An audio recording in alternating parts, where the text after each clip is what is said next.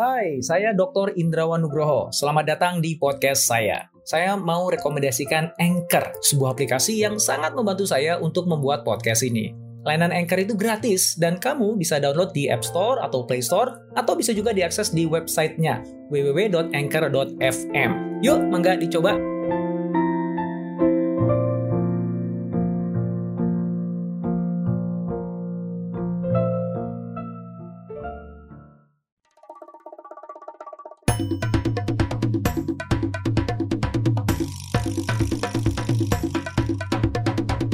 Kini Podcast Network.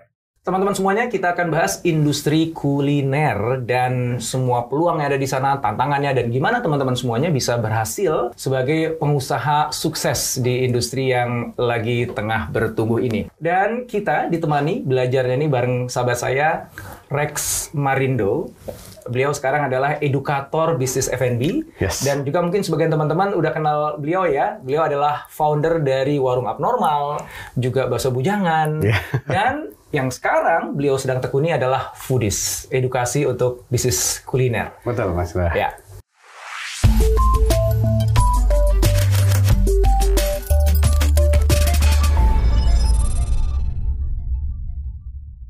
Saya ingin mulai dulu nih, bro. Eh, sebelum kita nanti masuk lebih dalam mengulas, mengupas, dan mau cari formula nih yang yang, yang, yang, saya. yang, yang gue berharap begini nih teman-teman semuanya di sini. Sebenarnya teman-teman semuanya nggak harus ada di bisnis kuliner sih. Ya, ya. Selama teman-teman ada di uh, uh, pelaku industri, ya apa pun industrinya sebenarnya aku yakin banget kita bisa belajar banyak deh dari dari Rex di Ya. sini ya.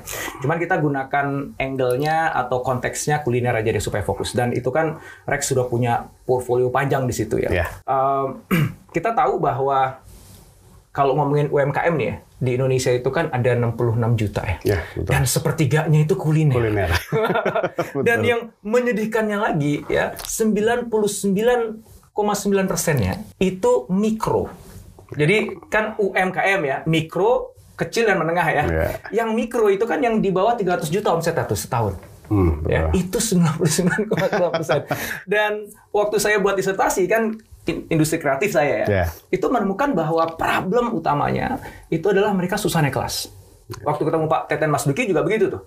Jadi problem kita tuh bukan kita kekurangan UKM sebenarnya kata beliau tuh. Udah banyak ya Udah UMKM. banyak. Problemnya adalah kenapa di bawah terus gitu nggak naik-naik gitu ya. Nah, em, sementara kita tahu ya dulu mulainya dengan eh, nasi goreng rempah mafia, kemudian ada jadi warung abnormal, jadi bakso bujangan dan itu kan jadi sesuatu yang gede banget orang pikir gila men jualan Indomie bisa begitu gitu. Iya kan? Pertanyaan pertama aku nih dan ini pertanyaan kunci menurut aku ya. Kenapa kok banyak un- eh, usaha mikro tadi ya? Kuliner mikro, pedagang kaki lima, atau mungkin dia punya kios kecil gitu, yang susah naik kelas. Jawabannya sebetulnya simple, Mas Indra. Anyway, saya senang banget nih bisa diundang di sini ya. Wah, gue yang senang banget Tontonan saya pagi hari ini teman-teman. Sekarang saya duduk di sini gitu. Nah, oke. Eh, kuncinya satu sebetulnya. Yang paling utama itu knowledge. Hmm. Nah, di sini nih sebetulnya kenapa teman-teman UMKM mikro ini tidak bisa berkembang atau tidak bisa ya take off lah lepas landas untuk misalnya omsetnya bisa tembus 50 juta per bulan, 100 juta, 1 miliar, 10 miliar gitu. Karena knowledge eh, mereka tidak memiliki dasar-dasar knowledge untuk membangun sebuah bisnis. Especially misalnya kalau kita bicara industri kuliner. Ya, s- s- contoh aja simple. Kita bisnis mulai juga dari nol, Mas Indra. Nasi goreng. Apa sih yang spesial dari nasi goreng ya kan? Gitu. Waktu kita mau buka itu di jalan itu mungkin sudah ada 10 sampai 20 penjual nasi goreng. Which is itu kalau bicara kompetisi, wah itu udah crowded banget kan. Nah, tapi dengan ilmu kita bisa kemudian keluar ke kemurkaan ya. Dikenal lebih banyak orang. Kemudian bisa menciptakan promo-promo yang unik, misalnya seribu piring nasi goreng gratis bayar pakai doa. Nah itu kan ilmu tuh. Iya, iya, iya, Ya, iya. kemudian iya. kemudian kita berpikir, wah ini semua nasi goreng ini tradisional. Hmm. Oke, kita pakai ilmu yang sederhana dari kalau marketing mix ada 4P misalnya. Hmm. Oke, kita pakai produk dulu. Di dalam produk itu ada sekitar 10 sampai 13 elemen. Hmm. Nah, kita pakai itu ilmu, kita kasih nama yang unik. Oke. Ya, brand name ya. Oh, mafia, makanan favorit Indonesia. Hmm. Nah, itu mafia tuh. Heeh, Tapi iya. karena mafia jadi nggak bisa dihalal waktu itu. Sebenarnya makanannya unsur halal. kekerasan. Tapi Wah, namanya halal. doang ya. Iya, benar. Nah, kemudian kita punya menu apa ya kita pikir kalau semua orang jualan nasi goreng, nasi gorengnya pakai topping yang beda-beda. Oke. Kenapa kita tidak berpikir terbalik? Nasi gorengnya beda-beda rempah, tapi toppingnya sih itu-itu aja. Oke. Nah, sehingga kita munculin topping misalnya eh, dari kuluak, ada Oke. topping dari cabai hijau, ada Oke. topping dari oh macam-macam dan kita namain juga tuh tiap menu. Oke. Ada preman, yakuza, mafia, itu, itu bikin gak dapat sertifikasi halal ya. udah Namanya pasti serem gak dapet. Namanya juga udah nama kejahatan semua gitu. Nah, Oke. di situ kemudian kita kemas dengan campaign program, kita pakai Twitter saat itu, Oke. pakai influencernya Twitter saat Oke. itu, and then booming. Nah, semua proses ini kan butuh ilmu, Ilmu, Mas Indra. oke. Nah, Oke. ini yang tidak dimiliki oleh teman-teman UMKM untuk bisa naik kelas. Balik lagi sorry, aku Ya. eh, nasi goreng rempah mafia ya. Ya. Ini kan karena semuanya ternyata bermula dari situ kan. Nah, situ. Betul kan ya? Di sebuah kios kecil di Jalan di Pati Ukur waktu itu. Ukur, ya. Tiga Masih ada meter sekarang ya. juga. Masih ada ya? Itu Masih original ada. masih ada. Masih ada. Cuma berapa? Tiga meter kan? Sama ruangan ini segini lah kira-kira. Waktu itu kali ya? kecil banget, masih ya lebarnya 3 meter, panjangnya sekitar 11 meter. Oh, Oke, agak Kecil panjang ke dalam banget. lah Ya, ya. ke dalam. Waktu itu kan pengetahuannya Rex kan nggak seperti sekarang dong. Waktu Ya. mulai eh, nasi goreng itu dong. Nah, Kan pasti newbie juga dong gitu kan. kebetulan enggak. Itu Ah, makanya saya ngerasa oke. itu kuncinya. Oke. Karena kita 8 tahun sebelumnya kita itu ada di bidang brand and marketing consultant.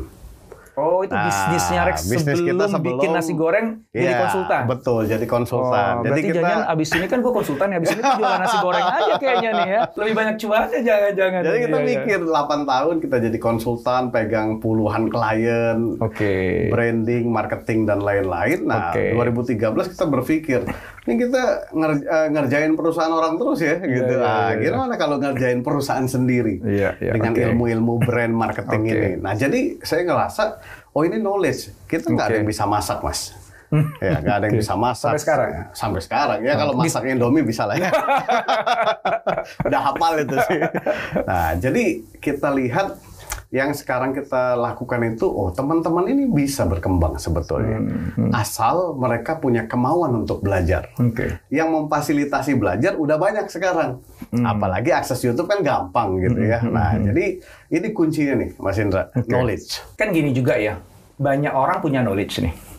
Dia kuliahnya juga tentang marketing, kuliahnya juga bisnis, kan gitu kan ya. Betul, ya. betul, Jadi kalau betul. ngomongin knowledge kan banyak di YouTube juga banyak knowledge-nya Yes, gitu ya. So bahkan mungkin aku berpikir kita tuh oh, ini overload informasi bahkan justru ya.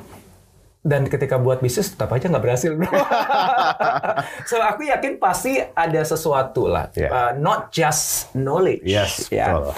Uh, apa itu yang lainnya? Oke, kalau tadi kita bahas kan dari awal banget. Hmm. Jadi kalau kita lihat knowledge ini satu hal. Oke. Jadi saya lebih memilih untuk bicara knowledge di pertama, baru kemudian entrepreneurnya. Nah, baru Oh. bicara entrepreneurnya. Kalau bisa si pengusahanya. Ya, pengusahanya bahwa memang mentalnya harus bagus. Oke. Ada istilah lebih baik bakar kapal istilahnya. Jadi udah nggak ada pilihan lagi. Mm-mm. Kalau kayak kita dulu udah nggak ada pilihan. Mm. Pilihannya cuma maju.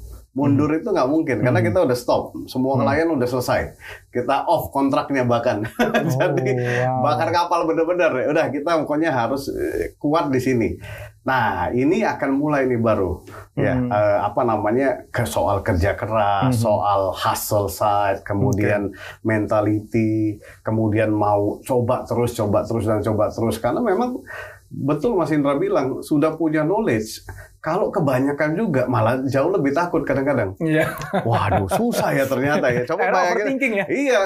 Contoh gini, misalnya kita mau bisnis uh, kuliner nih. Iya. Ikut kelas misalnya kelas scale up atau kelas uh, bagaimana membangun bisnis menjadi besar. Insya Allah nggak jadi, Mas. Karena uh, susah ya ternyata ya. Bicara supply chain, bicara operation, Iya, finance. Waduh, ini bisnis kuliner ternyata kompleks ya. Nah, ini ini juga insya Allah jadi. Saya insya Allah kagak jadi Insya malah. Allah nggak jadi. Karena kita sering banget tuh, wah ini bicaranya mau scale up, ikut kelas nih. Soalnya di sini kita ada yang baru lulus sekolah bisnis di Oh, sini, gitu. profesor kita nih.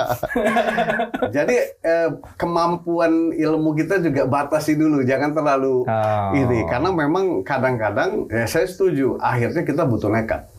Oke. Setelah kita punya ilmunya, berikutnya kita butuh nekat. Ya, butuh Hmm. belief bahwa oh ini oke, this is the way of my life. Ya udah aku jalan Iya, masuk iya. gitu. Jadi udah nggak boleh ragu-ragu lagi. Oke. Kalau ragu-ragu kemudian aduh kayaknya mendingan investasi aja. Ada Oke. temen yang mau mulai, taruh duitnya di situ. Jadi pebisnis kuliner juga kok. Mm-mm. Ya, punya bisnisnya, Iya, tapi iya. bukan sebagai entrepreneurnya. Iya, Bedanya itu aja kan. Oke, so jadi ada uh, quality dari si entrepreneurnya, si Yes. foundernya, si pengusahanya itu penting. Sudah pasti. Tapi sebelum itu juga harus ada knowledge-nya juga yang dia kuasain. Yes, Tapi knowledge-nya bukan asal lu pelajari semuanya di kepala, kebanyakan malah keberatan, malah lu nggak gerak-gerak kan yes, gitu kan ya. betul. So karena tadi uh, Rex mendudukkan knowledge itu sebagai, sebagai sesuatu yang penting banget ya. Dan itu juga kan yang akhirnya menginspirasi Rex sekarang fokus di foodies ya, di Ya, sekolah betul. bisnis kuliner itu kan ya. So bagi teman-teman yang pengen belajar nih jadi pebisnis dan dia buka YouTube ya, dia mungkin ikut kuliah lengkap tuh, Ya. 8 semester dan sebagainya gitu ya. misalnya nih, misalnya, misalnya let's say kita ada dalam dunia ideal di mana dia bisa memulai semuanya dari awal lagi. Model belajar kayak gimana? ya model mendapatkan knowledge yang kayak gimana yang itu lebih besar memungkinkan dia untuk sukses karena Oke. tadi kan gitu kan lu belajar gini-gini insya Allah nggak berhasil kan katanya begitu Makanya gua kejar di situ tuh yang Oke, insya. Allah berhasil itu yang model belajar kayak gimana Nah, gitu Jadi eh, ketika kita mulai bisnis, kita pahami dulu ya Mas Indra bahwa bisnis itu tentang resiko dan peluang. Oke Ya, nah jadi ketika kita belajar, bukan berarti belajarnya harus 8 semester. Yang menurut saya lebih baik kalau dari kita lihat sekarang ya, belajar kemudian memulai paralel tapi sesuaikan dulu dengan kapabilitasnya kita. Ya, cara memulai bisnis kuliner ini sekarang lebih enak sebetulnya. Contoh kita punya ilmu, yang mulai dulu aja dari cloud kitchen misalnya. oke nggak Ya. usah punya dapur Nggak sendiri usah harus punya outlet sendiri, harus bangun tempat dulu dan lain-lain. Cloud kitchen di rumah kita sendiri pun bisa jadi cara untuk kita memulai belajar. Nah, kemudian ada juga cloud kitchen cloud kitchen yang kita bisa sewa yang sebulannya 3-4 juta doang untuk starting. Nah, di situ kita akan memulai prosesnya, belajar dan juga mengerjakan. Ya, nah that's why di sini saya lihat, eh, saya bilang nggak bisa nyambil. Ya, kalau mau bisnis kuliner, terjun terjun sekalian, harus siap, gitu. Karena begitu kita mulai operation, wah ternyata sulit ya operation. Karyawan kok keluar masuk keluar masuk ya. Nah ini akan banyak ini terjadi di awal. Hmm, hmm. Gitu. Nah kita kalau berpikirnya langsung mahal, tentu aja resikonya jadi akan besar sekali. oke Nah, jadi yang terbaik yang mana? Belajar mulai segera. Langsung praktek. Iya, Iya. jadi jangan belajar iya. belajar terus gitu. Iya, baru Jadi- prakteknya ntar. Jadi jamaah jamaah workshop nanti Mas saya bilang. gimana jamaah workshop Eh. ke mana-mana workshop, Workshop terus ya terus. Branding ikut, inovasi ikut, nggak mulai-mulai tapi gitu. Oke, jadi intinya adalah belajar yang bagus itu adalah belajar yang disambi dia beneran melakukannya, Yes. bukan cuma project. Yes. Karena kalau di kampus-kampus kan banyak kan, oh, Project mahasiswa aja. suruh buat project-project Yes. dalam rangka dapat nilai, Ya. bukan dalam rangka bangun bisnis beneran. harus bangun bisnis Nah, ini harus beneran. bangun bisnis beneran, Iya. harus ada bakar kapalnya Yes, dulu ya, betul. karena itu yang akan me- me- me- mendorong keseriusan dia untuk benar belajar. Yes, Dan betul, belajarnya di staging gitu ya maksudnya ya. Ya, lu jangan betul. belajar yang lu jangan belajar akuntansi level advance dulu lah gitu kan ya. Tiba-tiba mau bangun outlet 2 miliar, ilmu Wah. juga belum ada. Nah, iya. ini kan kita bilang, wah ini tapi bisnis yang memang beresiko kalau tutup nggak begitu ceritanya gitu ya. nekat ya nekat cuman nggak gitu gitu Nekat. amat gitu. itu mah nekat bonek gitu ya. Benar, saya bilang suka saya bilang bi- dunia bisnis itu bukan kolam berenang anak-anak. Lu nyemplung nih sungai deras Iya, banget alirannya. iya, iya, iya, ya ada iya, iya. kompetisi, ada kompetitor, ada internal perusahaan. Jadi nggak bisa seperti itu cara berpikirnya. Iya, Gitu. iya, iya. Jadi istilahnya gini, belajarnya dia tuh mengikuti pertumbuhan dari usahanya. Yes. Ketika dia masih mulai kecil di dapur rumahnya, ya dia gunakan media sosial untuk jualan misalnya, Betul. ya udah dia belajar keilmuan yang bisa membuat dia kuat di situ dulu deh. Ya, sambil nanti pelan-pelan di advancein ilmunya agak Yes, lebih tinggi lagi. betul. Abis itu, eh ternyata gue bisa pakai eh, cloud kitchen yang lebih luas lagi, pakai aplikasi baru kemudian dia praktekin. Belajar lagi lebih tinggi lagi. Praktekin lagi Yes, gitu ya. Betul. Jadi Yes. ngebangunnya itu organik ya. Ya, ya. Emang saya ada beberapa yang saya kenal, misalnya dia ngebangun gaya-gayanya startup ya, Hmm. pakai pitch deck, raise fund untuk ngebangun gitu. Bukan tidak bisa, tapi apakah punya kompetensi di situ sebelumnya? Karena Oke. dunia bisnis kuliner ini bukan dunia seperti hal dunia startup, uh, IT dan lain-lain. It's totally different. How is it Iya. different? Bedanya di mana? Banyak banget mas. Kalau kita setiap hari dulu misalnya, oh kita harus ngalamin dulu yang namanya belanja. Oh belanja itu begini berhadapan dengan orang-orang. Belanja bahan baku gitu Belanja maksudnya? bahan baku. Ada yang kirim nggak bener, ada yang kirim bener. Ya kemudian harga tiba-tiba setting 30.000 ribu, cabai naik 50.000 ribu. Nah ini banyak. Ini baru satu hal. Kemudian sebagai owner kita mengalami lagi. Waduh ngurus karyawan susah ya. Gitu. Kita lagi rame-ramenya nih mas. Omset udah 2-3 juta sehari. Ya, tiba-tiba semua karyawan bilang, Pak kalau besok nggak naik gaji kita mau resign. ini gimana nih? Nah, kita kan mengalami semua proses itu untuk menyiapkan infrastruktur ke depannya sehingga kita bisa besar. Siapin infrastruktur apa? SOP mulai dirapikan. Oh, Oke, saya tahu nih kalau bikin SOP detail, berarti nasi goreng tuh harus begini. Hmm. Ya, kenapa harus begini? Karena nanti warnanya akan begini. Nah, ini detail-detail seperti ini. Ya, ini nggak bisa istilah kita di coding gitu. ini tuh harus dialami. Ada trial and errornya harus ada kuat. trial and errornya. Ya, jadi jarang sekali saya lihat orang yang baru lulus tanpa ilmu mulai itu bisa sustain. Kan Ya, Tadi kan dibilang begini kan, uh, Rex kan nggak bisa masak juga. ya, Nah, kan gitu kan. ya. betul. Eh, Itulah taunya kenapa kan kita jual. mulai dari nol. Datang ke dapur setiap pagi. Berarti belajar masak? Oh iya mas, Sekarang belajar. berarti bisa dong bikin nasi goreng ya? Bi- bikinnya bisa, tapi dulu resepnya Ah. ya itu temen yang buat. Oh, oh, jadi, Jadi- yang penting ngerti uh, nasi goreng enak tuh kayak gimana. Ya betul. Bahwa nanti yang jago banget ngebuat yang enak tuh orang lain nggak ada No masalah. ya. problem. Kita bisa hire chef Yes. kan untuk itu kan ya. Dengan ilmu, contoh, kita tahu bagaimana sih kita bisa membuktikan bahwa produk ayam geprek gua enak misalnya. Aha. Cari target market, lakukan riset. Hmm. Ya, bikin blind test. Hmm. Misalnya dengan kompetitor dengan produknya kita. Hmm. Blind test, coba ke orang. Nah, untuk berpikir kayak begini butuh ilmu Pakai kan? ilmu. Iya. Itu Kalau bedanya pengusaha yang bonek sama pengusaha yang pakai ilmu itu Iya, bedanya di benar. situ. Itu dia poinnya. Jadi jangan, Oke. eh produk lo enak ya? Iya dong, kata nenek kakek gue enak nih. Target marketnya siapa? Itu anak-anak yang kuliah. Jauh banget kan bicara enaknya. Ternyata pas di deliver, oh ini apa nih rasanya aneh banget. Hmm. Nah, sebenarnya kalau dengan ilmu sederhana kan, kita tidak perlu bayar agensi riset juga. Iya, iya. Eh teman-teman ayo dites ke 30 orang. Hmm, Ya, hmm. ayamnya samain dengan kompetitor, Hmm. dites mana enak. Kalau 28 bilang udah barang lo minimal enak lah udah. Oke. Nah, seperti Jadi itu. waktu pas jualan nasi goreng dulu dengan kios sempit itu, Iya. itu udah pakai A/B testing, begitu ya? Oh Iya. ya, yang buat nasi goreng konsultan, masa nggak begitu?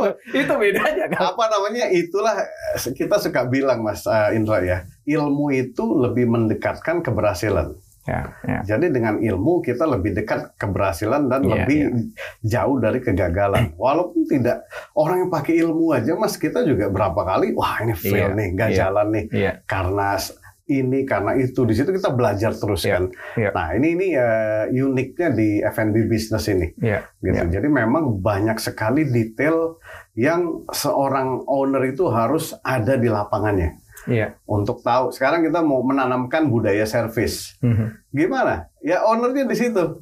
Iya. Kasih lihat, halo apa kabar? Oh, Iya. selamat sehat selalu dan lain-lain. Karyawan kan lihat. Mhm. Nah dari situ begitu kita mau besar, kita jadikan SOP itu. Mhm. Nah kita kan mikir gimana ya bikin karyawan senyum Mhm. gitu. Oh, berarti harus dikasih contoh senyum Hmm. itu seperti apa dan lain-lain. Nah, jadi ini ini proses yang kalau saya pribadi believe bahwa harus organik nih ngebangunnya. Iya, iya. Ya, Ya. bukan tidak mungkin ya kita bicara ada juga yang gayanya scale Hmm. ya eh, cepat eh, industrial dikembangin, tapi kalau bicara 99% UMKM kita Iya. bukan mereka. Iya, iya. Ini UMKM teman-teman yang Iya. ayo dong belajar. Iya. Setidaknya packaging cakep Iya. sehingga konsumen nanti bikin konten dengan packagingnya. Oke.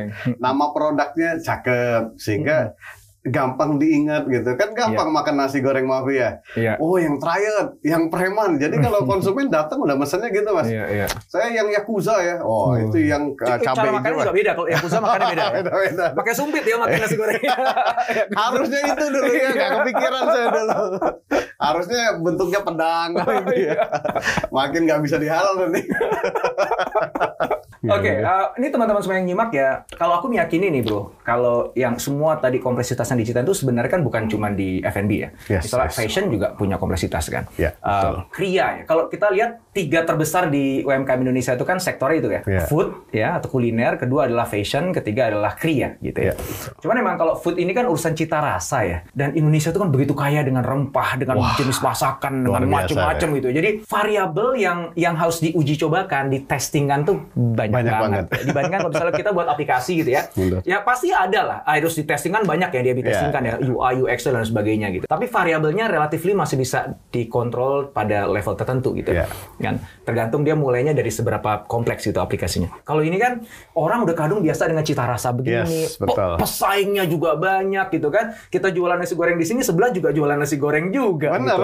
Dia bahkan mungkin lebih dulu dibandingkan kita udah Yes. punya customer base ya gitu ya. Nah, itu teman-teman semuanya. Jadi, kalaupun teman-teman semuanya yang nyimak nih bukan bisnisnya kuliner, maka yang Rexa disampaikan itu itu applied banget. Aku mau balik lagi dengan statementku yang di depan itu, Ya. Bro. Yang aku bicara bahwa problemnya di Indonesia itu adalah UMKM kita tuh susah naik kelas. Dan itu kayaknya tipikal sih di, di banyak perusahaan juga itu. Maka piramidanya tuh akan selalu Selalu piramidanya begini. begini gitu ya. yang kita khawatirkan piramidanya kan begini nih.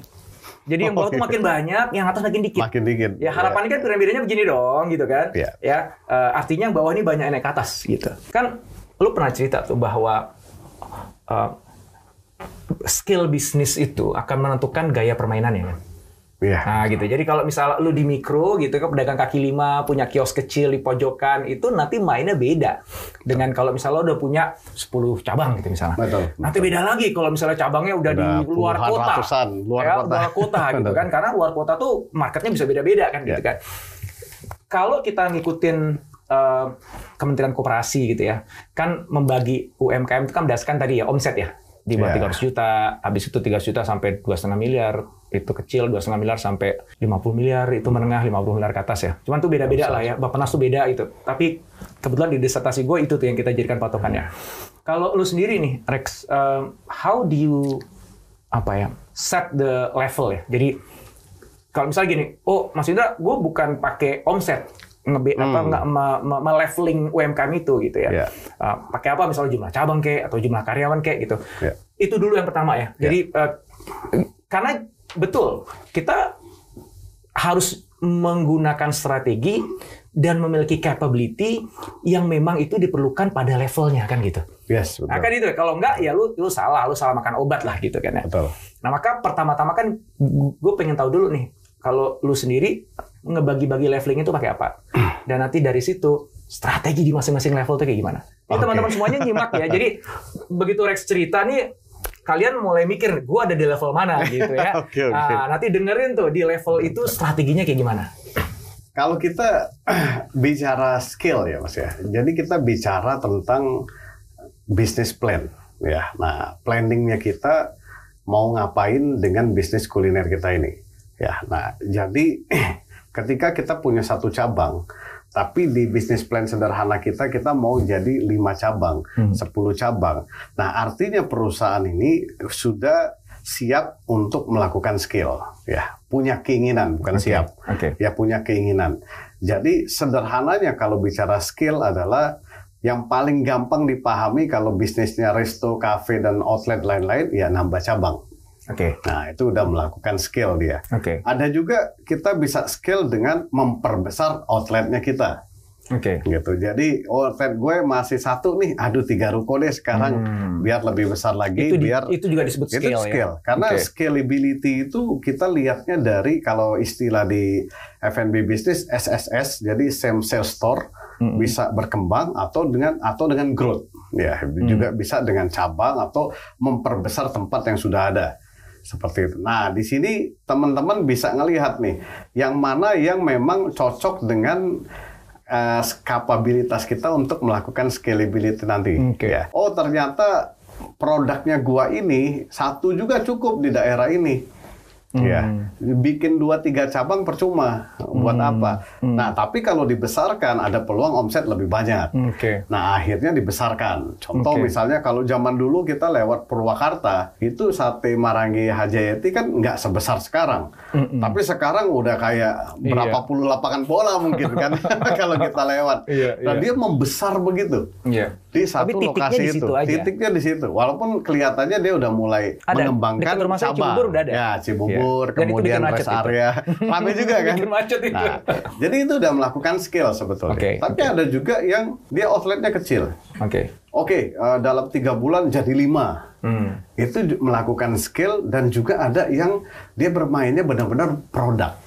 Jadi contoh misalnya dia jualannya eh, cireng, cilok, bakso aci dalam kemasan Oke. yang untuk Oke. dipasarkan melalui reseller atau market uh, place seperti itu Oke. ataupun pakai WA bisnis dan lain-lain. Ya. Nah, scalability-nya dia tentu aja dengan menambah jumlah reseller Iya. Atau meningkatkan penjualannya. Oke. Yang tadinya omsetnya 300 juta sebulan, ya beberapa teman-teman udah bisa sampai 2-3 miliar. Oke. Nah, ini Oke. jadi scale ini sebetulnya intinya kita mau berkembang nggak? Iya. Jadi Caranya skala banyak. bisnisnya yang Yes. bertumbuh. skala Caranya bisnisnya bertumbuh. Ya, macam-macam caranya tadi, tiga. macam-macam. Kalau di bisnis F&B itu caranya macam-macam. Hmm. Dan bahkan cara pendanaan, cara pengembangan cabangnya pun nanti macam-macam.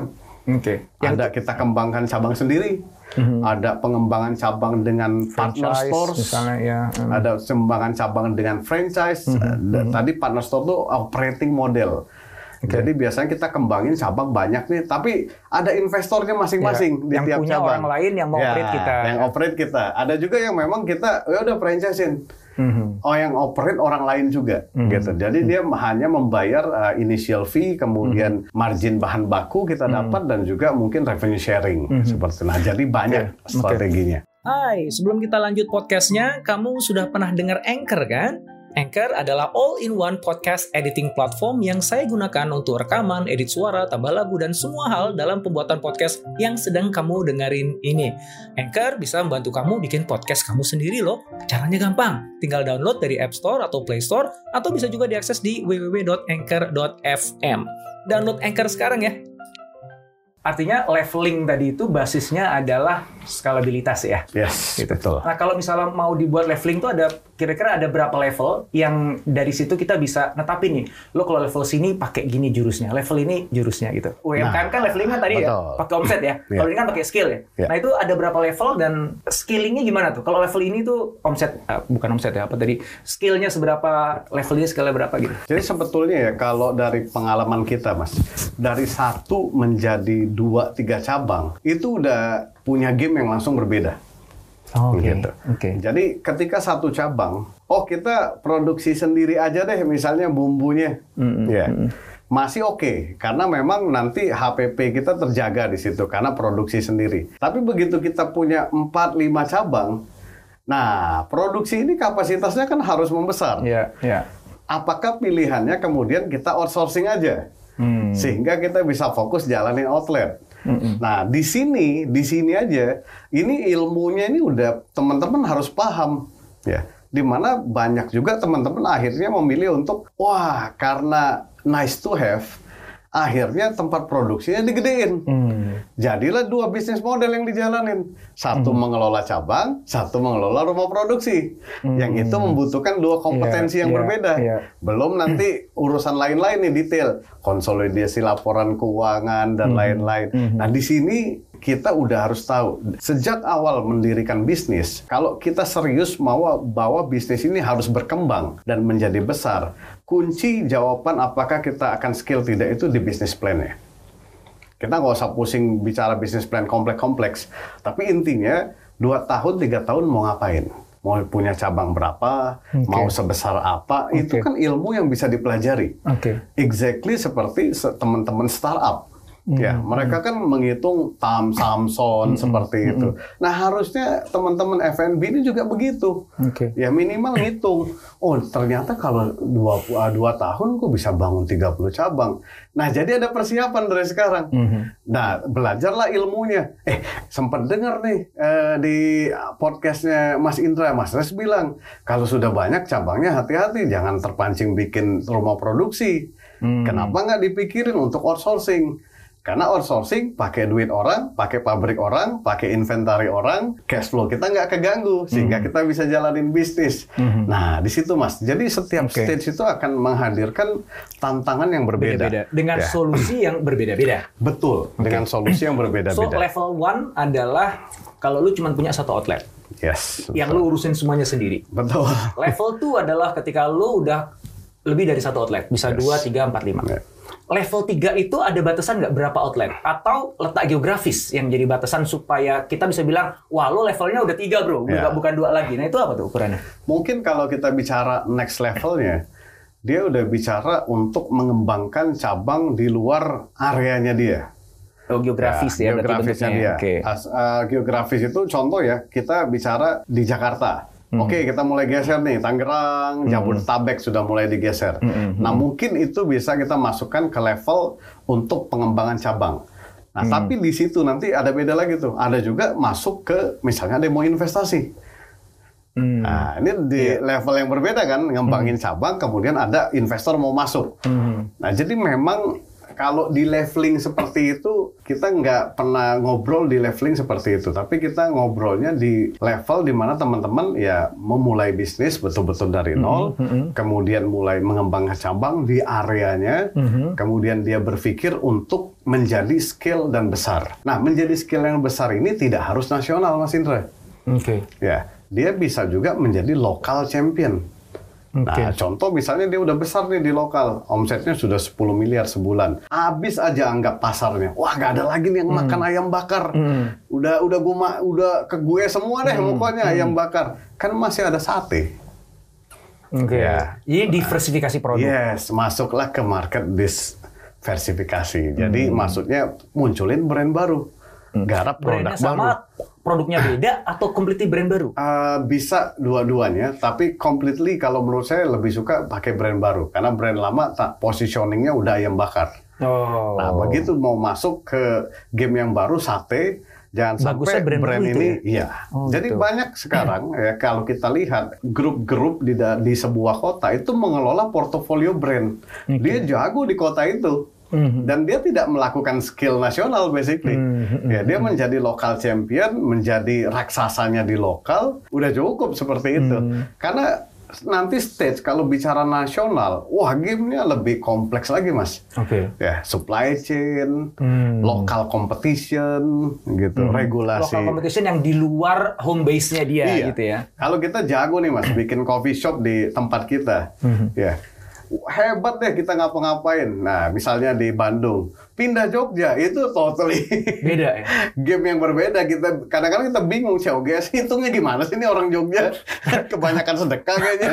Bisa murah-murah banget Iya ya. gitu kan. Itu Nah, makan makan nasi lengkap ayam telur itu berapa tuh? Iya, 8.500 gitu ya. Nah, ini kan udah harus, oh lokal beda banget ya. Oke, oke. Oke, pindah ke Aceh. Habitnya orang udah beda. Iya, iya, habit Ngopinya ngopi, kayak iya. begitu.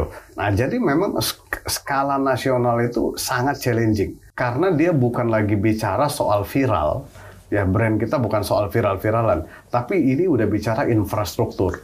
Nah, infrastruktur di dalam itu adalah seperti supply chain, operation, learning management system. Semua yang kadang-kadang kalau kita bicara di kelas scale up, Mas. Pak, teman-teman yang datang ini nggak paham, Mbak. Ini ngomongin apa sih? 3PL, 4PL, learning management, supply chain. Nah, inilah yang dipraktekkan oleh brand-brand besar. Iya, iya. Seperti Sabak, Maggi, Iya, dan lain-lain. iya, nah, iya, ini ini iya. ini PR kita untuk Iya. membangun brand nasional Oke. bisa skill. Oke, Gitu. oke, gue mulai paham nih. Jadi kalau misalnya dia punya satu outlet doang, berarti kan dia cukup berpikir tentang gimana caranya gue bisa ngebuat makanan yang paling enak yang Yes. disukai oleh pelanggan gue. That's it. Betul. Kalau makanannya enak, pelayanannya oke, dia akan balik lagi ngundang teman-temannya udah pasti sukses. Keep loyal customer Ah, terus sudah. Begitu Gitu. pas dia udah mulai eh, nambah nih cabang, dia harus mulai mikir nih eh, itu produksinya kayak gimana. Betul. Making sure cabang satu dengan yang lain ya kualitasnya sama, Yes. pelayanannya sama, kan kayak Betul. gitu kan ya. Eh, ada permodalan juga di sana. Yes. Begitu mainnya level nasional, dia udah nggak ngomongin tentang makanan enak atau nggak enak, Udah nggak pelayanan boleh. bagus nggak bagus. Dia ngomonginnya 3PL Iya, tadi, benar. logistik, supply Gitu. chain gitu ya. Kalau Malah mas- dia semakin jauh dari dari makanan justru Yes. malah ya. Kalau masih ngobrolin makanan, ya aneh. Ya, Makanan itu- levelnya dia belum di level Yes, level betul. itu ya. Kalau dia masih ngomongin makanan ya. Jadi kalau masih uh, bikin green tea aja masih salah ya itu masih big question. Jadi Makanya kapan lu, scale lu gitu stay, ya? Lu stay di level satu dulu aja, Iya, benerin benar. dulu aja makanan lu gitu ya. Ya, exactly. Nah, itu jadi menarik tuh. Jadi ketika abnormal udah begitu besar, ada di banyak kota gitu. Ya. Berarti itu teman-teman itu ya Rex dan kawan-kawan itu udah nggak mikirin makanan lagi tuh. ya? Udah enggak mas. Yang kita dipikirin apa berarti itu? Yang dikerjain, yang jadi problemnya itu apa tuh? Kalau di level kalau itu. kita lihat dulu ya dari pengalaman ya, kita bahkan dulu itu rekrut profesional-profesional udah Oke. ya dari big company Mhm. untuk mengelola supply chain harus bikin bagaimana, mengelola Oh, karena emang itu gimana. ilmunya emang ilmu Karena sendiri ya. Itu udah kita nggak nguasain ya di situ ya. Itu kita nggak nguasain. Ini ini yang hal yang kenapa kita berkomitmen kemudian melakukan edukasi terus untuk memberi awareness bahwa sebelum melakukan itu skill siapin dulu infrastrukturnya. Iya, oke, Ya, sebelum terjun masuk ke game seperti itu, Mhm. gitu. Karena itu udah dunia yang benar-benar, loh ini ini beda banget ya. Mhm. Ini kayak apa namanya sesuatu yang gue belum pernah ketemu ya. Mhm. Nah ini kan pilihannya kita belajar dari pengalaman Mhm. atau belajar dari yang sudah berpengalaman. Iya, iya, Ya lebih enak belajar dari yang sudah berpengalaman. Mungkin kelihatan biayanya lebih mahal. Iya. Katakanlah hire profesional. Mhm. Tapi dia sudah pernah ada di game itu. Iya, Ya, iya, setidaknya. walaupun tidak menggaranti bahwa itu akan jauh lebih baik ya Mhm, atau misalnya jauh bisa lebih sukses Mhm. gitu dengan kekuatan manajemen pun COVID masuk ya bubar juga gitu. Iya, iya, yang iya. biasanya 98% duduk orang datang mhm. dua tahun hilang. Oh ini game baru lagi nih. Iya. COVID, oke kita belajar lagi Dari berarti. awal. Wah, Kalau ini- itu belajarnya lagi nggak bisa hanya bergantung kepada si profesional sih ya. Foundernya harus bisa. ikut ikut ikut ikutan mikir di situ ya. That's why sebetulnya bisnis kalau kita suka ngobrol sama teman-teman, kita itu harus jadi learning organization. Hmm. Ya, data, fakta, informasi, knowledge dan experience. Hmm. Kita suka ngomong lima hal ini, Mas. Davicom ini. Ini harus jadi jiwa apa namanya DNA-nya teman-teman. Oke. Ya.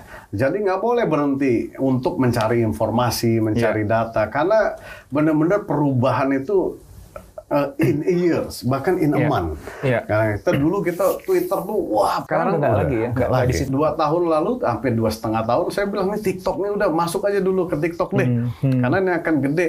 Waktu itu Bowo masih dibully-bully mas, gitu. yang main TikTok awal-awal tuh kan. Ini apa sih ini alay dan lain-lain. Hmm, Sekarang Bowo bilang gue udah kering lo pada baru terjun. nah ini kan perubahan cepet banget ya. Iya, iya, nah iya. jadi any, any industry saya pikir Iya, iya. bisnis itu tentang ya data, fakta, informasi, knowledge, experience yang dikelola, Iya. kemudian diambil action dan tindakan strategik gitu. Yang aku uh, menarik adalah founder harus juga menyadari limitasinya dia tadi itu ya. Jadi bahwa Ya. ketika misalnya Rex bilang, kayaknya udah saatnya nih harus ada yang mikirin finance-nya kita, Ya. harus ada yang mikirin supply chain-nya kita, gitu ya. Yes, betul. gue tahu, tapi kan pengetahuan gue seberapa sih gitu. Ya. Bidang gue kan di sini gitu. Punya kelegoan untuk mengakui itu nomor satu. Dan kedua akhirnya bersedia untuk invest di orang. Hire orang profesional untuk running Ya, itu. Itu menjadi kunci untuk bermain di level 3 tadi itu ya. Yes, betul mas. Dan kayaknya itu juga ya menjadi dasar kenapa di uh, abnormal, di bujangan itu akhirnya teman-teman founders akhirnya justru malah memilih udah biar profesional saja karena Ya. emang gamenya udah game profesional gitu ya sekarang. ya. Kan teman-teman udah udah nggak terjun di manajemen lagi ya sekarang ya. Kita kebetulan dari 2019 Hmm. pertengahan kita udah keluar dari manajemen karena kita merasa ini sudah harus waktunya di run oleh profesional semua. Oke. Gitu karena perusahaan udah cukup besar saat Hmm. itu ya, omsetnya juga sangat besar, cabang sangat banyak, di mana butuh lebih manajemen yang lebih smooth untuk Iya. ngejalanin ya Iya. dan profesional. Iya. Founder still founder, Mas. Gaya pikirnya kadang-kadang masih acak-acak gitu ya. Dalam konteks ini, eh ada yang viral, besok launching ya. Ah, gitu. Itu korporasi nggak bisa, korporasi. Benar-benar kalau direktur supply chain kan, wah Pak kita harus Itu sourcing visibility dulu. study gitu ya. Visibility study, supply chain-nya gimana, Iya, iya. eh, party kan nanti kirim Yang mana gimana. itu benar justru kan? Nggak salah juga. Iya, kalau korporasi nggak bisa nggak bisa ujak-ujuk aja gitu ya maksudnya ya. Jadi Oke, emang oke. eh, inisiatif ya itu itu Oke. founders itu Oke. sesuatu yang memang sulit. Nah, Oke. Nah dan ketika perusahaan besar ini ngeklopinnya memang wah ini challenging pasti. Iya, iya, iya. Apalagi foundersnya yang tipikalnya inovatif. Iya, ya, iya. yang megangnya produk. Oh, gitu istilahnya oke. kalau saya dulu kan orang marketing. Mhm. Nah besok ada viral minimal lusa launching. Nah itu ribut semua tuh. ribut gimana nih kita harus belum ada SOP, belum ada Iya, apa. iya, nah iya, kan iya. kalau dulu kita jalanin bisnis sendiri di satu cabang, dua cabang, ya besok viral, lusa launching. bisa ya. Nah, ini kepegang ya. ini udah game beda nanti. Iya, nah, ini iya. founders ini kadang-kadang harus memahami ini. Iya, Ketika perusahaan besar, dia sudah harus tahu, dia sudah harus punya ilmunya bahwa oke kapasitas gue nggak sampai nih. Mhm. Ya, lo upgrade atau lo serahkan ke profesional. Iya, iya. nah, iya. jadi hal-hal seperti ini juga butuh dipelajari, Mas. Mhm. Untuk kita aware sebelum nanti masuk ke game itu Oke. gitu. Karena sudah masuk ke game itu nanti belajarnya jauh lebih mahal. Mhm. Kalau harus belajar by doing. Iya, Gitu. iya, iya. Nah, yang menarik kemudian setelah uh, memutuskan ya teman-teman founder ini untuk oke selain ke professionals, Iya. jiwa foundersnya kan nggak nggak hilang udah pasti kan. jiwa megang produk, jiwa berkarya, pengen Benar, buat benar. sesuatu kan pasti kan nggak nggak mungkin hilang tuh kalau Iya. dia founder beneran kan. Iya. Nah, yang lucu adalah kenapa kok next venture-nya aktivitas selanjutnya bisnis selanjutnya itu bukan di kuliner tapi Iya. malah ke education, malah bikin foodies kan? Iya. Gitu. Itu kan lompat sektoral banget gitu. Itu apa itu yang menjadi dasar keputusan itu? Sebetulnya kalau foodies sendiri kan memang kita fokusnya di edukasi bisnis kuliner. Masih nyambung lah ya, masih kuliner nyambung, lah ya. masih nyambung. Tapi kan tuh beda sektornya, satu beda, education. Beda, Yang satu kan- edukasi, satu jualan. Kenapa ke edukasi? Eh, karena kita melihat, Mas, eh, dari pengalaman kita ngejalanin bisnis. Oke. Dari banyak sekali teman-teman kita ngobrol dan lain-lain. Yang kita lihat problem utama itu balik ke obrolan kita yang pertama tadi, knowledge. Hmm. Nah, di situ kita merasa bahwa harus ada loh ya individual atau organization yang mau ya terjun mau berkontribusi untuk melakukan democratizing dan penyebar penyamarataan knowledge ini di ya Iya, seluruh iya, Indonesia iya. kita bicaranya. Iya. Nah, jadi kita ngelihat bahwa eh kita bisa contribute loh untuk eh, apa namanya brand-brand lokal, peningkatan jumlah lapangan pekerjaan, kemudian juga perbaikan taraf hidup orang lain melalui edukasi yang mendorong tumbuhnya pengusaha yang punya kemampuan dan punya eh, probabilitas dia untuk berhasil. Oke. Nah, jadi contoh misalnya saya nggak bilang bahwa mereka cuman belajar di Foodies, mereka juga belajarnya pasti di tempat lain. Tapi contoh teman-teman seperti Haus, Kang Gufron misalnya, 2017-2018 mereka belajar di Foodies. Foodies itu sebenarnya udah ada lama, cuman kita cuman workshop-workshop aja dulu. Nah, itu belum ada brandnya. Ya, kita belajar, kemudian beliau belajar, ya sekarang lihat saja Aus sudah buka lapangan pekerjaan berapa besar, bisa. Nah ini ini ribuan mas, puluhan ribu saya boleh bilang teman-teman yang kita bisa berikan edukasi, kita bisa empower untuk bisa berkembang dan menjadi besar. Ada yang kontak dari Irian Jaya, dia kasih tahu, mas saya udah dapat satu miliar pertama saya loh. Wah. Wah, dari Aceh. Wah, saya lagi pusing, omset saya mentok nih 5 miliar sebulan. Mentok. Mentoknya 5 miliar Ngajak ya? ribut nih kayaknya nih. di Aceh namanya. lagu itu sebenarnya. Nah, jadi kita ngelihat di situ ini nggak bisa, ini harus ada yang kasih tahu Iya, iya, iya. teman-teman lokal ini. Eh nanti kalau gamenya begini, kalian akan berhadapan begini. Kalau Hmm. gamenya nanti begini, ilmunya harus begini. Nah jadi kita set semua mulai dari nol sampai benar-benar levelnya advance skill itu Iya, kita iya. uh, encourage teman-teman, eh, lu minimal denger deh. Iya, Ya, iya, iya. Jangan sampai ke lu nya nanti ngalamin misalnya Ya. seperti Nah, itu. Lu setuju banget itu kan di awal tadi kan kita ngobrol ya yang ngebuat UKM itu mikro tetap di mikro nggak naik kan knowledge tadi ya, Ya. pengetahuan itu kan ya. Dan walaupun akses terhadap informasi itu udah banyak, lo bisa tinggal lihat YouTube, lo, Yes. lo browsing di mana pun ada. Apalagi kalau bisa bahasa Inggris banyak banget Banyak gitu banget, kan ya. benar. Cuman kan isunya kan bukan itu kan. Isunya bukannya informasinya ada atau tidak gitu. Yes. Isunya adalah gimana informasi itu di package sedemikian rupa sehingga menjadi mudah untuk dipahami, dicerna, dieksekusi, Ya, betul. dibangun kurikulumnya itu step by step. Udah lalu jangan jangan belajar yang ini dulu, yang ini dulu aja gitu kan. Yes, betul. Jadi butuh ada yang dipandu gitu. Betul. Dan ini yang memberikan equal opportunity. Nah ini yang penting. Yes, Jadi kalau kita ngomongin UKM itu kita nggak bisa bilang gini, lo enak, lo punya privilege, bokap lo kaya misalnya, gue nggak kaya. Lo enak, lo lulus kuliah, gue nggak kuliah, kan Iya, gitu. iya, Lo iya. enak, lo ada di kota besar, di Bandung, di Jakarta, Surabaya, gue di tempat terpencil. Itu kan hal-hal yang yang kita nggak bisa pilih kadang-kadang. Ya, itu, itu sesuatu as is gitu. Yang itu nggak bisa diapa-apain juga gitu. Nggak bisa ya, kalau udah gitu ya gitu Ya udah gitu, terima Yes, gitu. betul. So bukan modal awalnya yang bisa kita support, tapi opportunity yang sama. Yes, Dengan betul. dia punya akses kepada ilmu, kepada mentor, kepada sistem yang bisa nuntun mereka step by step sampai sukses, equal opportunity itu yang sebuah apa ya anugerah menurut gue. Yes. Ya. Dan Itu- makasih banget nih Foodies sudah ngambil peran itu ya di industri UKM kuliner yang memang majority pemain kita ada di sana gitu. Yes, betul. Gue berharap tuh ada foodies lain untuk fashion, untuk kriya, Benar, untuk yang lain ada. harus ada tuh. Jadi teman-teman nih yang yang udah terbukti jawara di fashion, yang terbukti jawara di kriya dan yang lain, jangan egois dong. Ilmunya diambil sendiri gitu kan. Belajar nih sama Rex nih sama teman-teman di foodies ya. Ilmu kudu dibagi. Yes. Ketika dibagi kita nggak rugi ya, malah nambah ya bro. Nggak, Mbak. Kalau kita lihat sekarang ya, karena kita dari tahun 2000 kan udah terus edukasi dan lain-lain. Justru wawasan dan wacana ilmu kita itu makin terus meningkat, Mas. Hmm. Karena sebagai seorang edukator, itu bukan nggak mau cuman ya. mau nggak mau belajar benar. Iya, iya, iya. Juga kita juga bukan bicara cuman experience. Iya, iya. Experience is a pass. Iya, iya. Tapi ke depan apa? Iya. Nah, ketika kita bicara ke depan, akhirnya meng, apa namanya memaksa kita untuk melakukan riset. Iya. Ya, kita rutin melakukan riset setiap tahun itu ada dua kali big research yang kita Iya. lakukan Iya. dengan uh, dua institusi. Iya. Kemudian ada riset bulanan yang kita lakukan. Mhm. Kemudian ada data-data yang kita beli dari luar. Mhm. Kita pelajari makalah dari luar dan lain-lain. Iya, Karena iya. simple. Apa yang bagus di luar, gue bisa bawa sekarang, gue bisa sebarin. Iya. Biar teman-teman tahu seperti Yes. itu. Nah, jadi Yes, keren. dan juga banyak mentoring. Jadi Iya, iya. wawasan kita itu kaya banget, Iya Mas. kan, kan ya, Gitu. case study-nya kan banyak ya. Yes, Dan kita bisa bagi betul. keberhasilan di sini, kita bagi ke sini, bagi ke sini.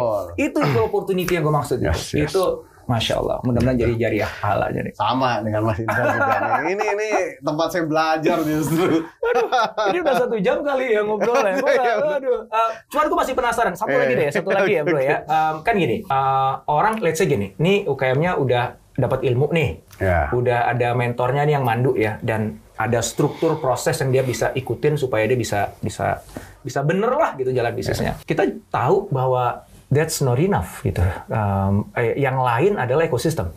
Ekosistem di mana bisnis itu ada kan. Ekosistem itu kan banyak kan. Dari funding misalnya pembiayaan. Yes, Kalau dia misalnya mau naik kelas, yang mau buka cabang, ya dia mungkin perlu akses modal misalnya. Yes, betul. SDM, ya. Foundernya aja yang pintar, cuma nyari karyawan yang jadi tuh kasir kagak ketemu dan sebagainya kan misalnya kayak gitu gitu. Yes, ya. benar. Eh, atau eh, macam-macam lah ya, misal akses ke bahan baku dan sebagainya Yes, gitu. ya. Itu kan itu kan selalu jadi isu ya ekosistem itu Betul. yang dinilai Dan bahwa itu sangat penting sekali ekosistem Iya, itu. Dan banyak yang kritisi gitu. Indonesia tuh susah ekosistemnya tuh belum kebangun. Kalau kemarin-kemarin ngomongnya ekosistem startup ya untuk digital startup gitu ya. Iya. Tapi kalau kita ngomong UKM juga ekosistemnya juga masih nggak kayaknya nggak ada yang benar-benar serius ngelatenin.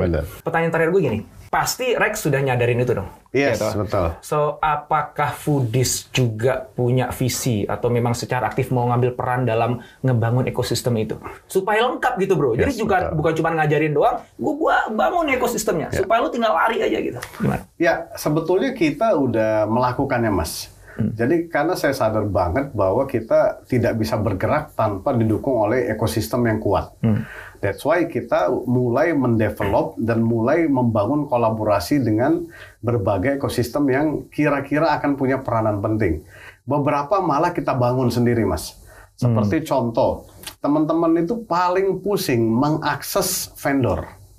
Paling Vendor apa? susah. Vendor bahan baku? vendor apa pun. Apa pun. Jadi kalau bicara vendor, kita bicara vendor apa pun. Contoh, saya kalau mau ngurus halal ke siapa ya? Oh, Nah itu itu itu tadi udah si- sesimpel Oke. akan sulit ditemukan. Hmm. Saya kalau mau misalnya eh, ketemu dengan 3PL company apa ya? Mhm. Di mana ya? Triple itu logistik ya logistik ya. misalnya logistik. Nah, jadi kita sekarang ngebangun yang namanya vendorkuliner.com. Ya, di mana di dalamnya nanti teman-teman akan temukan apa aja yang teman-teman butuhin untuk bisnis kuliner. Oh, saya mau ayam saya di outsourcing aja deh ke pa- pabrik lain. Ada di situ outsourcing. Kontak aja Wow. langsung. Ya, Oke. teman-teman mau di fund, misalnya outlet saya bisa nggak ya kalau brandnya tapi ini dikurasi ya Iya. brand eh, dibiayai dulu capexnya. Oh mesin kopinya boleh sewa, mejanya boleh sewa, kursinya boleh sewa, ada di dalam vendor kuliner. Tinggal buka. Nah itu satu. Nah kemudian kita lihat lagi yang jadi problem utama adalah ERP di F&B business ini. Mm-mm. Ya. Oke, ERP. elektronik, Uh, enterprise eh, resource enterprise planning. resource planning. Nah, Oke. untuk uh, yang small, mulai dari dia apa namanya cloud based dari sistem database vendor dan bahan baku sampai nanti analitik dan pengelolaan CRM. Nah, akhirnya kita mengencourage ada teman-teman dari ITB membuat startup, kita deliver ilmunya untuk mereka mendevelop ERP itu dan udah jadi. Oke. Ya, atur kuliner namanya. Ya, Oke. atur kuliner. Itu cloud based nanti. Itu cloud based Oke. semuanya. Jadi teman-teman yang UMKM pakai udah pakai handphone, udah Hmm. bisa gampang. Nah, jadi memang banyak yang harus dibenahi. Yes. Sama halnya kita juga kontak misalnya uh, venture, kita ngobrol. Eh lu mau ngambil yang kayak gimana sih? Hmm. Venture capital maksudnya Ya, investor. Hmm. kita nanya, lu kalau mau invest, kira-kira apa yang lu butuhkan? Biar gua tahu mendeliver apa. Kalau Hmm. Oke. teman-teman butuh invest ke venture. Oke. Nah, jadi kita Oke. coba bangun mas uh, circle-nya, ngobrol Wow. dengan government juga. Wow. Jadi Mas Indra bener banget, ekosistem itu kunci. Ya. Karena di dalam ekosistem itu bahkan kita bisa berkolaborasi sebetulnya, Oke. bahkan dengan sesama pebisnis kuliner, mas. Mantap. Ya. Kayak contoh gini nih, kita merasa kalau bisnis kalau ngembangin cabang, Mas Indra punya brand satu, oh mau pergi ke Padang. Hmm. Ada orang individual mau bikin brand kita di Padang. Nah ini cara yang paling beresiko sebetulnya. Tapi ketika Mas Indra ketemu dengan pengusaha Yang ada di kuliner Padang. Padang, Ah, nah, dia punya kapabilitas untuk buka brand kita di situ hmm, Oke. dan memastikan brand kita bisa sukses. Nah, ini ekosistem ini kita ketemuin Iya, juga iya, nih iya. sama pebisnisnya gitu. Uh, kayaknya nanti ya mungkin berapa tahun dari sekarang nggak usah berapa bulan dari sekarang berapa Bulan. bulan bukan berapa tahun. Gue gue pengen undang lagi dan ngomongin ekosistem itu tuh. Jadi Seru Mas, banyak udah gitu. sejauh mana ekosistem tuh berhasil dibangun gitu bro. Ya, Yes, kan yes, kan yes. kita ini berarti kan Foodies kan baru di awal nih ya ngebangun Yes. ekosistem tuh ya. Kita baru mulai tuh yang vendor kuliner baru tiga bulan kemarin kita mulai. So teman-teman semuanya nih khususnya yang yang bisnisnya sekarang kuliner ya jangan mikir dua kali ya langsung website apa namanya bro? Foodies.id. foodies.id Iya. ya di situ eh, langsung aja daftar deh ke kursus yang paling pas ya. Oke. Dan kalau yang misalnya masih hitung-hitung, aduh misalnya aku masih belum siap keluarin duit, yang gratisan juga ada kan? ya? Ada YouTube channel kita ada 850 video lebih. 850 Iya, Nonton video aja. Gitu ya. Itu ada semua ilmunya. Masya Allah. Na- namanya apa? Channelnya Uh, Foodies YouTube channel. Foodies Iya. ya, nama channelnya Foodies ya. Ketika aja Foodies ya. double O D I Z Z Foodies YouTube channel pasti Masya ketemu. Allah, Gitu. Masya Allah. kita bikin YouTube 850 kemudian kalau mau baca yang males nonton baca artikel kita udah nulis sekitar 300 artikel. Nah itu juga ada di foodies.id slash blog. Wow. Gitu. Jadi kita banyak sekali de free content untuk ya teman-teman yang nggak bisa akses berbayar itu ada kok gratis. Jadi gitu. nggak ada alasan lagi untuk Nggak ada belajar, alasan. ya, Betul, nggak ada alasan. ya. Thank you banget, Gitu. Rex, Sama-sama Mas. untuk waktunya. Saya belajar sangat terhormat banget. banget bisa sampai di sini. Thank you. Insya Allah manfaat banget nih. Thank you, thank you, thank you Thank you, much. thank you. bro.